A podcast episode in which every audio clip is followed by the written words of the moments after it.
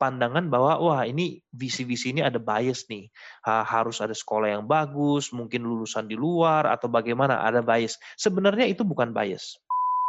Sedangkan ada founder yang cuman uh, adanya pitch deck doang bisa diinvest. Kenapa banyak sekali startup itu lahir di dari Silicon Valley? Jeff, lu mau bikin roket ke Pluto, mulainya aja gue nggak tahu lu perlu berapa banyak duit karena itu hampir nggak mungkin. That's the risk. Daily Social Podcast.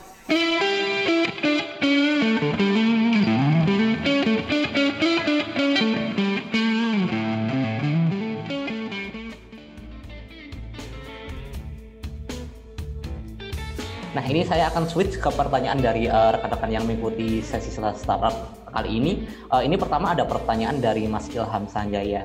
Pertanyaannya Pak Jeffrey, selain potensi startupnya, kualitas personal apalagi yang dilihat oleh uh, dari seorang visi ke, oleh, kepada sebuah, seorang founder? Apakah background pendidikan juga sebuah uh, menjadi sebuah pertimbangan?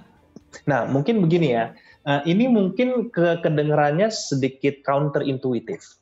Tapi sebenarnya ya um, cara salah satu angle yang banyak investor lihat itu adalah founder ini bisa fundraising atau enggak. Di early stage, fundraising itu penting banget. Kalau ada fundraising, bisa hire team, bisa build product, dan bisa ada chance untuk create something uh, successful, gitu kan. Nah, um, jadi begini, mungkin mindsetnya seperti itu dulu. Nah, uh, apa sih kriteria untuk bisa fundraising itu? Um, salah satunya adalah uh, ada ada ada beberapa cara nih untuk bisa fundraising. Ya, satu adalah creating a good traction. Good traction itu misalnya uh, a very good technical founder creating a good MVP, terus dia bisa create a good initial traction yang benar-benar showing a product market fit itu satu. Um, tapi kalau misalnya ngomongin kenapa banyak orang uh, yang mempunyai pandangan bahwa wah ini visi-visi ini ada bias nih. Ha, harus ada sekolah yang bagus mungkin lulusan di luar atau bagaimana ada bias. Sebenarnya itu bukan bias. Kita merasa yang bukan masalah brandnya tapi masalah apakah founder ini bisa creating and leading a big company. Nah, jadi mungkin begini, kalau a, a good education harusnya bisa kasih a good tools buat founder-founder tersebut untuk leading a larger organization dan lain-lain gitu kan. Uh, jadi education itu penting, tapi bukan cuma education. Kita harus ngerti kenapa education itu penting. Education itu penting untuk leadership and management, ya kan? Fundraising, fundraising ada bisa bisa dicapai dengan cara really building a good uh, a good uh, product dulu. Tapi mungkin pertanyaannya gini, oke, okay, Mas Jeffrey ini ada beberapa founder yang produk aja nggak ada udah dikasih udah dikasih duit gitu kan. Nah itu yeah. kenapa? Nah itu karena apa? Nah ini makanya yang tadi saya bilang counter intuitif tapi ini example. Karena dia bisa fundraising. Nah pertanyaannya begini loh mas gua tanya gimana cara fundraising kok lu bilang caranya bisa fundraising uh, adalah founder itu harus bisa fundraising? Yeah. lumayan counter intuitif kan? Gini. Ya yeah, ya yeah, ya. yeah bagaimana founder yang founder-founder yang cukup spesial tersebut bisa fundraising tanpa produk. Nah, hmm. itu nah ini um, ada beberapa hal yang penting. Satu adalah reputasi, experience dan track record. Oke. Okay. Misalnya begini, anggap aja misalnya gini deh, kita ngomong salah satu uh, orang-orang yang jago ya, oke, okay, saya selalu, selalu um, look up tuh misalnya Elon Musk. Elon Musk kan very visionary kan. Elon Musk kayaknya kalau misalnya dia mau bikin apa gitu ya, nggak usah ada MVP, kayaknya orang mau kasih gitu kan. Kenapa?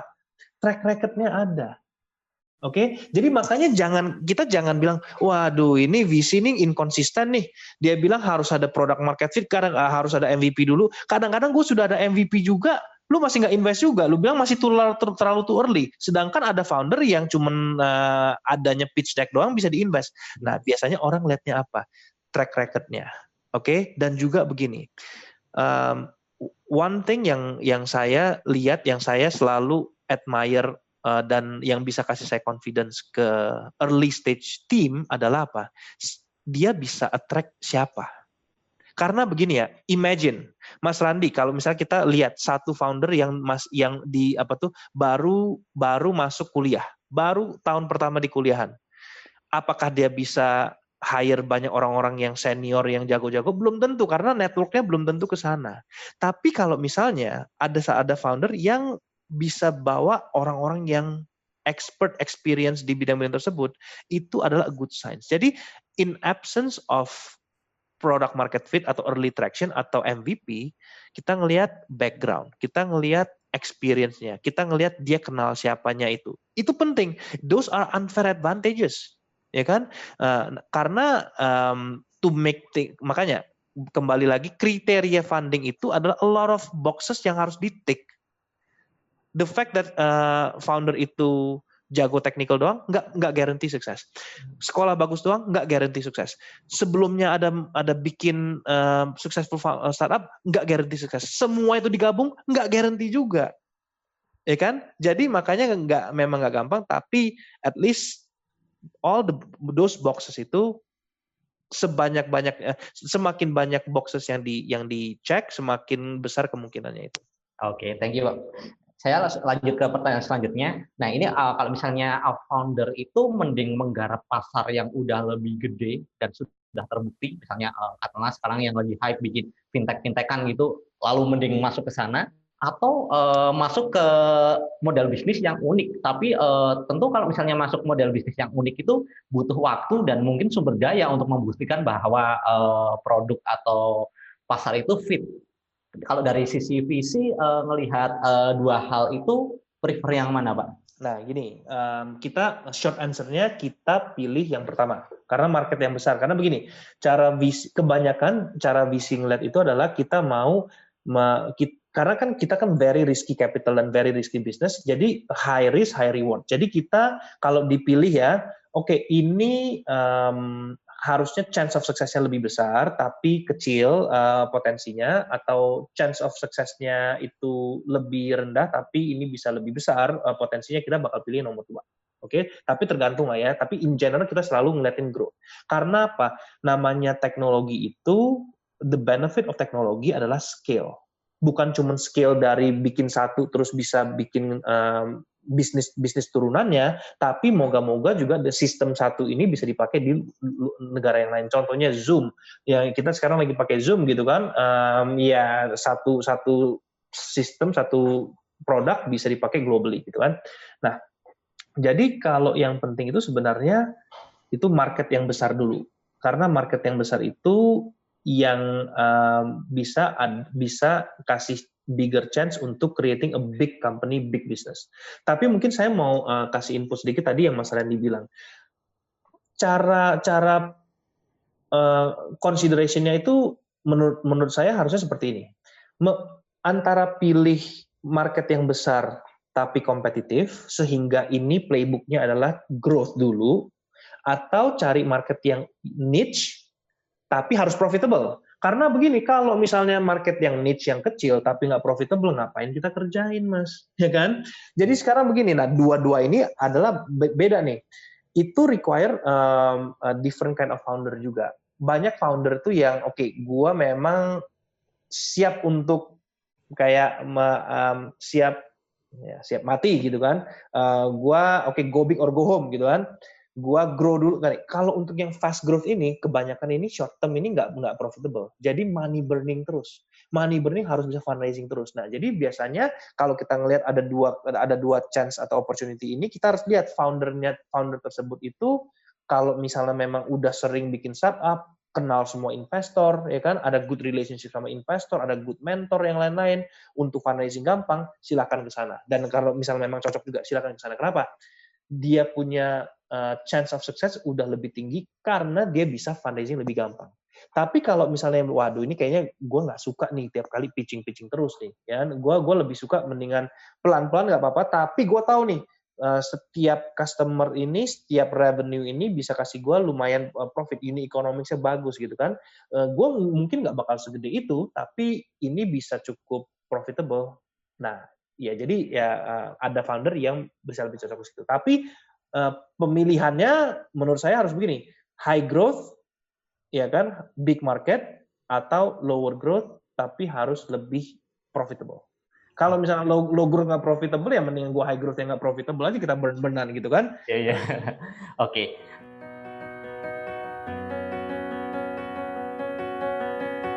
Ngobrolin apa bang? Ngobrolin startup bareng media sosial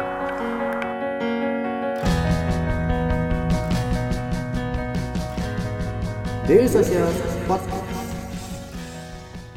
Ini Pak, ada pertanyaan selanjutnya ini dari Prilly Pak. Uh, katakanlah uh, sebuah early stage itu udah diinvestasi sama uh, katakanlah Alpha JWC gitu. Nah, yeah. di fase early stage itu kalau Pak Jeffrey sendiri ngedorong mereka uh, mengakuisisi user sebanyak-banyaknya dulu atau menjalankan model bisnis biar cepat mendapatkan revenue atau untung uh, yang berlimpah gitu Pak? Oke, okay. uh, jawabannya bukan dua-duanya itu. Oke, okay? uh, jadi yang kita bakal uh, advice founder-founder kita adalah begini dapetin unit economics yang benar dulu. Artinya apa?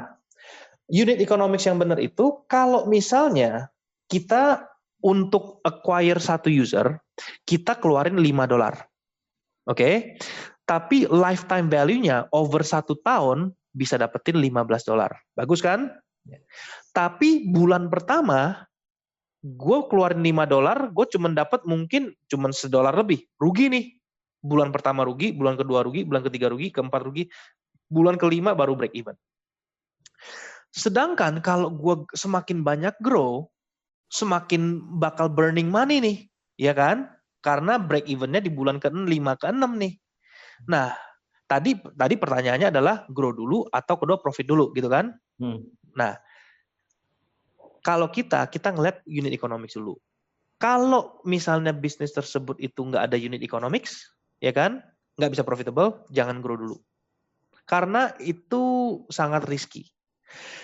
Ada satu senario lagi yang mungkin dengan dengan bisnis model yang pertama ini mungkin memang nggak bakal bisa making money. Tapi kalau kita udah ada user yang banyak, kita bisa monetize dari bisnis model kedua, ketiga, atau produk kedua, ketiga, keempat. Itu bisa aja, tapi itu lebih risky lagi lah ya. Nah, jadi kita selalu bilang begini, kita harus ngerti kenapa kita grow while we are burning money. Kalau misalnya kita grow profitably ya nggak usah ngomong gitu kan eh gue bisa grow grow terus nih dan setiap kali gue grow gue making money terus ya let's let's go gitu kan tapi biasanya adalah oke okay, gue grow tapi Jeff semakin gue grow ini gue short term ini nggak bisa untung nih nah pertanyaannya lah unit economics oke okay, thank you pak Uh, ini ada pertanyaan lagi dari Muhammad Ihsan. Pak Jeffrey, jika ada founder yang mengerjakan beberapa startup sekaligus, bagaimana pandangan investor melihatnya?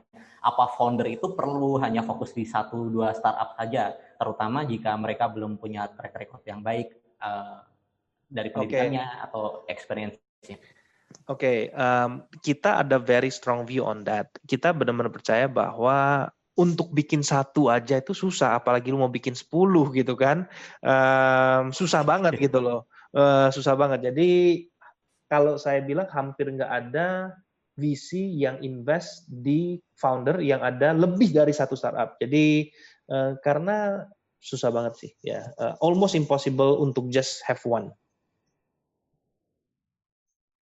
Oke, ini ada pertanyaan lagi Pak dari Mbak Kamila. Uh, biasanya pertanyaannya tentang valuasi Pak. Biasanya kan kalau misalnya valuasi itu kayaknya nggak ada uh, ada sih beberapa rumus yang pasti yang bisa digunakan. Cuma akan mostly uh, ini juga harus ada kesepakatan antara founder sama visi. Nah, kalau misalnya dari sisi visi itu gimana Pak uh, mengkalkulasinya atau uh, mengukurnya? Biasanya oke, okay, first of all valuasi itu sangat uh, itu uh, more art than science gitu ya.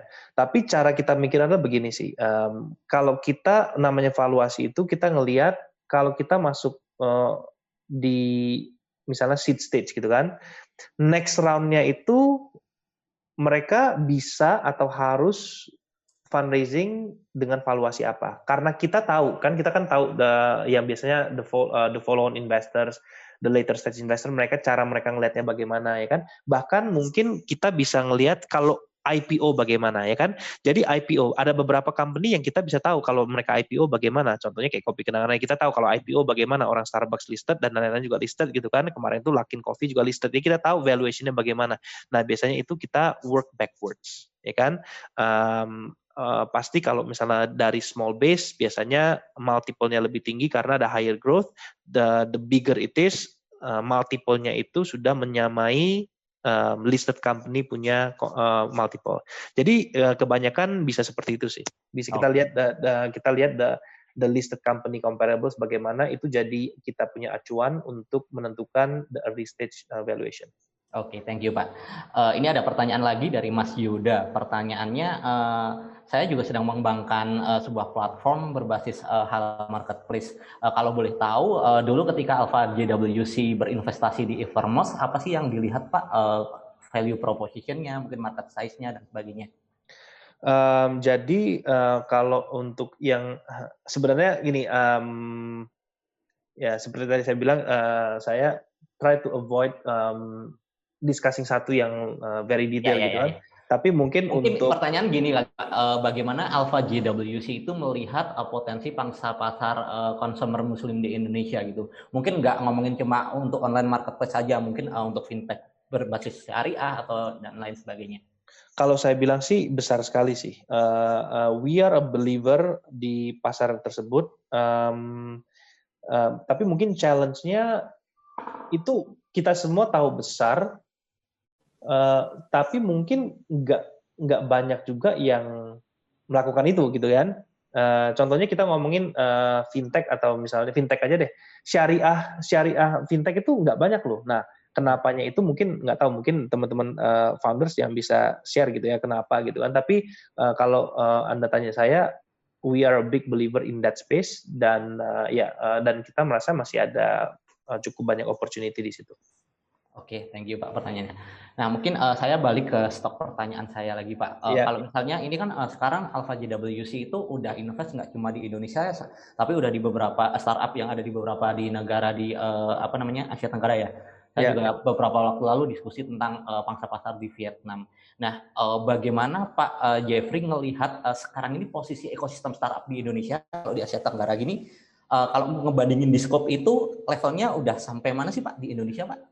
Oke, kalau di uh, di Asia Tenggara ya, hmm. kita cukup uh, kita harus bersyukur karena market kita yang paling besar itu itu nomor satu dulu ya. Okay. Uh, karena kita marketnya besar itu kemungkinan kita untuk uh, making a big company itu uh, jauh lebih besar daripada tetangga-tetangga kita karena ya uh, market kita besar gitu kan in terms of ekosistem sih Indonesia tuh salah satu yang paling maju kalau saya bilang ya.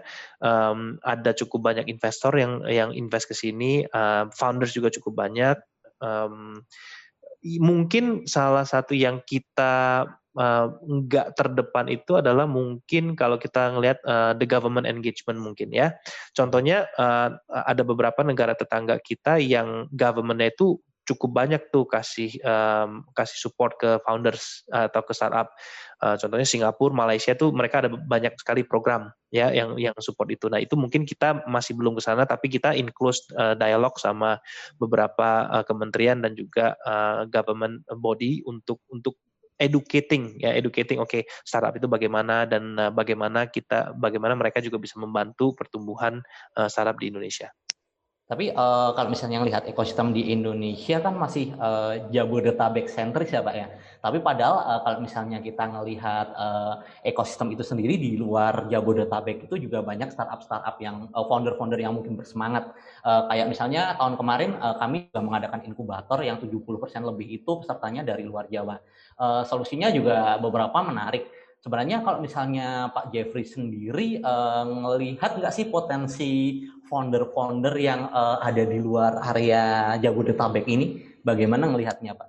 Nah, jadi kalau kita kita ngelihatnya gini, kembali ke kita punya um, beberapa hal yang penting untuk kita consider adalah market size dan seberapa besar bisnis ini bisa tumbuh gitu kan. Nah, uh, unfortunately kalau kita ngomongin number of user, number of kayak buying power yang lain-lain itu Jabodetabek itu itu lumayan besar buying power dan lain-lainnya gitu kan. Oleh karena itu bukannya kita nggak ngeliatin ke sana, kita ngeliatin justru bahkan uh, nanti ntar mungkin uh, in the next few months kita akan mengeluarkan um, salah satu uh, kajian ya yang untuk uh, memperlihatkan seberapa besar potensi di um, di luar Jabodetabek. Tapi memang awalnya kita targetin market yang besar dulu. Karena kalau kita mulai dari, bayangin deh, misalnya kita mulai dari satu kota kecil dulu, lebih gampang dari uh, kita dari Jakarta kopi yang kecil atau yang kecil kopi Jakarta gitu kan? Um, karena sekali kita bikin yang sama market ini lebih gede dengan lebih gede bisa dapat lebih funding lebih besar. Kalau kita ngomong di kota kecil investor yang ke sana aja nggak banyak gitu kan? Jadi uh, sebenarnya memang harus dari tempat yang memang besar dulu baru nanti ke tempat yang lain gitu kan. Eh, sama juga kayak misalnya kita ngomong di Amerika. Kenapa banyak sekali kenapa banyak sekali startup itu lahir di dari Silicon Valley? The number of unicorns di dunia paling banyak salah satu yang paling banyak itu dari Silicon Valley. Kenapa? Ekosistemnya sudah ada, investornya sudah ada, eh, inkubatornya sudah ada, habis itu usernya juga sudah ada, early adoptersnya sudah ada dan lain-lain gitu. Jangan lupa subscribe Ngobrolin Startup Daily Social Podcast di SoundCloud, Spotify, atau aplikasi podcast favorit kamu. Nah ini eh, saya balik lagi ke pertanyaan dari peserta Pak ini dari Mas Jonathan. Pertanyaannya itu uh, uh, jika, uh, ini uh, kalau misalnya saya simpulkan sih sebenarnya uh, gimana sih investor itu mengukur kesuksesan atau risiko sebuah startup ketika uh, dia memutuskan untuk berinvestasi, Pak? Ya, jadi kalau kita ngelihat uh, risk reward itu um, sebenarnya uh, kita selalu melihat kalau misalnya ini bisa sukses, bisa sebesar apa? Itu adalah reward. Oke, okay? resikonya adalah begini. Untuk mencapai satu billion, dua billion, whatever number itu perlu apa? Ya kan? Oh, kalau perlunya banyak banget. Uh, contohnya gini deh saya mau bikin misalnya roket ke Pluto misalnya. Ya kan? Anggaplah itu rewardnya besar. Ya kan? Resikonya bagaimana? Dari situ kita udah bagaimana? Jeff, lu mau bikin roket ke Pluto. Mulainya aja gue nggak tahu lu perlu berapa banyak duit karena itu hampir nggak mungkin. That's the risk gitu kan. Yeah. Uh, jadi kita cara kita ngeliatnya adalah lu mau bikin apa, kalau itu jadi sebesar apa dan berapa banyak yang dibutuhkan. Atau mungkin kita ngomong begini deh, kita ngomong yang lebih gampang deh. Misalnya kita ngomong uh, di di bukan di startup ya, tapi misalnya kita ngomong tambang kadang-kadang ada oke okay, di tambang batu bara di bawah itu ada batu bara. Tapi berapa sih yang diperlukan untuk kita bisa mengambil batu bara tersebut? Ada stripping ratio dan lain-lain cost untuk uh, untuk mendapatkan uh, batu bara tersebut gitu kan? Nah itu adalah di konteks itu. Kalau di konteks startup susah lebih susah. Kita mau bikin Facebook kita tahu mungkin nggak nggak setahu itu awal-awal itu kita nggak tahu Facebook bisa segede apa. Tapi anggaplah ini bisa gede gitu kan. Tapi untuk bisa creating a successful company seperti itu perlu berapa duit lagi?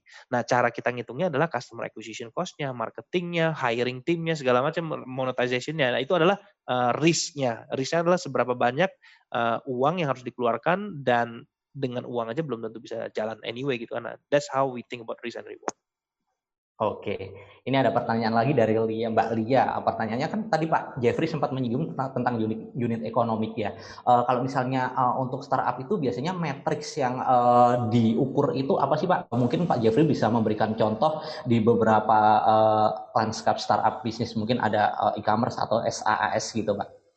Matriks ya, yang biasa diperlihatkan. Eh, jadi kan customer acquisition cost dibandingkan dengan customer lifetime value. Kalau misalnya SaaS ya kan, kita customer acquisition cost untuk kita install satu uh, software untuk menjual satu software mungkin kita perlu tiga bulan dan tiga business development team untuk untuk uh, dapetin kontraknya itu misalnya 100 dolar atau misalnya 1000 dolar. Subscriptionnya misalnya uh, 100 dolar per bulan. Untuk mendapatkan satu Eh, kembali kita punya 1000 dolar cost acquisition itu, kita break evennya adalah 10 bulan. Itu assuming mereka itu ada minimum tiga tahun kontrak gitu kan, yang nggak bisa di break. Nah kalau misalnya seperti itu, kurang lebih customer lifetime value-nya adalah 36 dibanding 3.600 dibanding 1.000. Tapi juga ada cost to serve dan cost to maintain. Jadi cara cara lainnya kurang lebih seperti itu. Oke, okay, thank you Pak. Uh, mungkin uh, saya kembali ke pertanyaan uh, simpanan saya dulu. Uh, ya. Kalau misalnya uh, sebenarnya dukungan apa sih Pak kalau yang Alpha GWC berikan ke uh, portofolio portofolionya kan uh, kesuksesan startup itu kan nggak cuma kadang nggak cuma dipengaruhi uh, oleh founder dan timnya ya, tapi uh, investor juga bisa memberikan dukungan misalnya um, membuka jaringan dan sebagainya. So far yang diberikan oleh Alpha GWC apa aja Pak? Ya, nah ini mungkin juga uh, inline dengan salah satu pertanyaan Mas yang ada juga nih. Uh, salah satu pertanyaan uh, yang lain yang relevan ke ini adalah uh, sosok founder uh, atau startup yang paling mengesankan gitu kan. Nah, uh, mungkin saya ya. mau share ini kenapa? Uh, kalau dari pengalaman pribadi saya, uh, yang mengesankan um, uh, berhubungan dengan founder itu adalah pas saat-saat yang di mana founder tersebut ada uh, mengalami uh, challenges atau masa-masa yang susah. Oke, okay?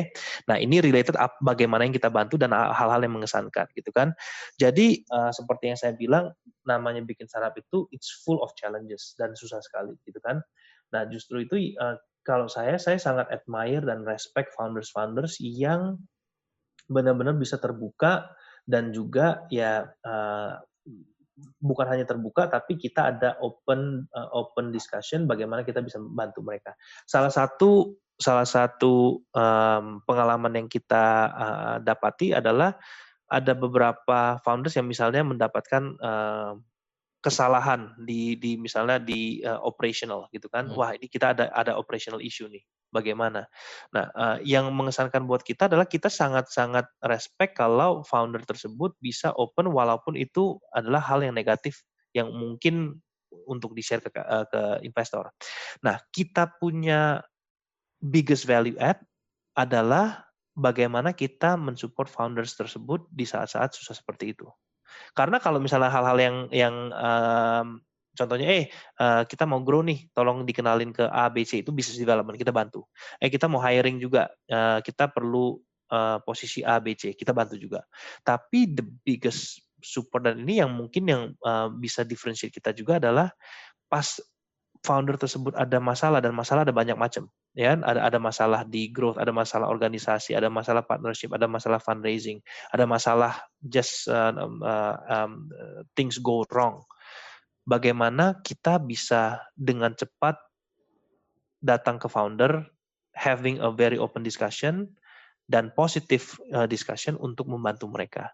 Menurut kita begini bukan bukan offerings yang yang uh, the biggest value add bukan offerings oh kita mau hiring ada. Tapi tapi kalau menurut saya the biggest value adalah time effort attention artinya apakah kita bisa di sana when the founders need us the most gitu kan itu sih yang kita selalu coba untuk uh, provide. Oleh karena itu, kalau Mas lihat tim kita di Alpha JWC cukup besar hmm. untuk untuk uh, fund sekecil kita, uh, fund size-nya dan juga uh, early stage kita cukup, ada tim yang cukup besar dan juga kualitinya juga bagus. Kenapa? Karena kita mau make sure bahwa when the founders need our help, where, uh, dan hal-hal dan um, in general biasanya kan pasti banyak masalah dan challenges. When the founders need our help, kita mau kita bisa benar-benar ada di sana untuk bisa sama-sama membantu dan uh, helping the company to grow. Oke, thank you Pak buat penjelasannya. Nah, ini udah satu jam kita berdiskusi nggak kerasa ya Pak. Mungkin saya masuk ke pertanyaan terakhir Pak. Uh, bagaimana Pak Jeffrey melihat ekosistem startup di Indonesia dalam 3 sampai lima tahun mendatang? Ini kan sekarang ada pandemik ya, tapi uh, new normal juga sedang kita usung nih. Gimana sih melihat masa depan ekosistem di Indonesia Pak? Ya, mungkin saya pengen uh, share secara general dulu. Salah satu pelajaran pribadi saya di masa pandemi ini adalah saya merasa kita sebagai manusia, as mankind ya, itu kita itu cukup resilient. Artinya, by the way, krisis ini adalah salah satu krisis yang paling berat yang kita pernah alami, yang manusia pernah alami, kan? Of yeah. course ada perang dan lain-lain, tapi ini adalah salah satu masalah masa-masa terberat. Tapi kalau kita ngelihat ada cukup banyak positive things yang yang terjadi juga. Artinya kita bisa adapt, kita bisa survive, ya kan?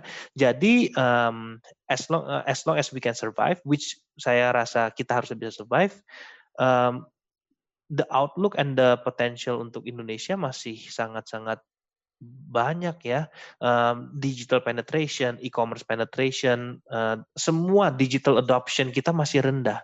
Uh, masih untuk semua bisnis di Indonesia, logistik, e-commerce, fintech, untuk naik lima kali dalam waktu lima tahun ke depan mungkin atau enggak sih sangat mungkin.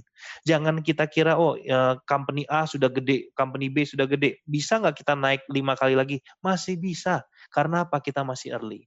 Jadi uh, menurut uh, kalau saya bisa uh, pesan ke teman-teman semuanya, stay positif, uh, stay healthy dan dan siapa pun yang bisa um, survive this tough situation, harusnya the the future will be brighter. Jadi um, very important to stay positive and stay motivated. Oke, okay, thank you sekali Pak Jeffrey buat insight-nya. Saya yakin ini sangat menarik buat teman-teman founder yang menyaksikan ini. Uh, terima kasih sekali sekali lagi Pak Jeffrey sudah hadir di acara Selasa Startup kali ini. Uh, semoga ilmunya bermanfaat bagi teman-teman. Dan uh, karena ini udah jam 8 juga, uh, saya akan mengakhiri sesi Selasa Startup kali ini. Sekali lagi, thank you Pak Jeffrey. Selamat malam, sampai jumpa teman-teman.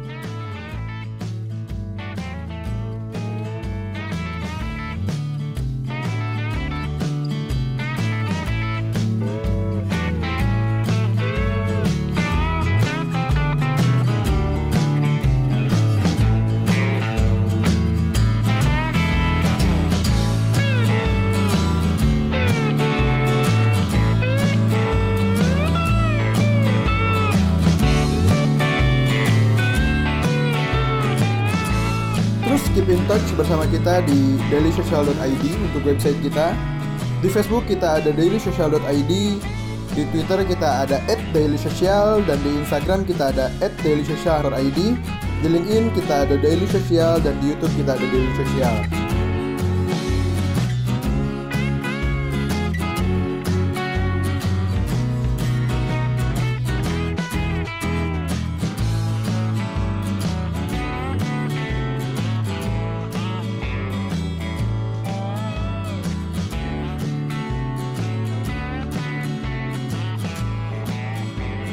Daily Social Podcast.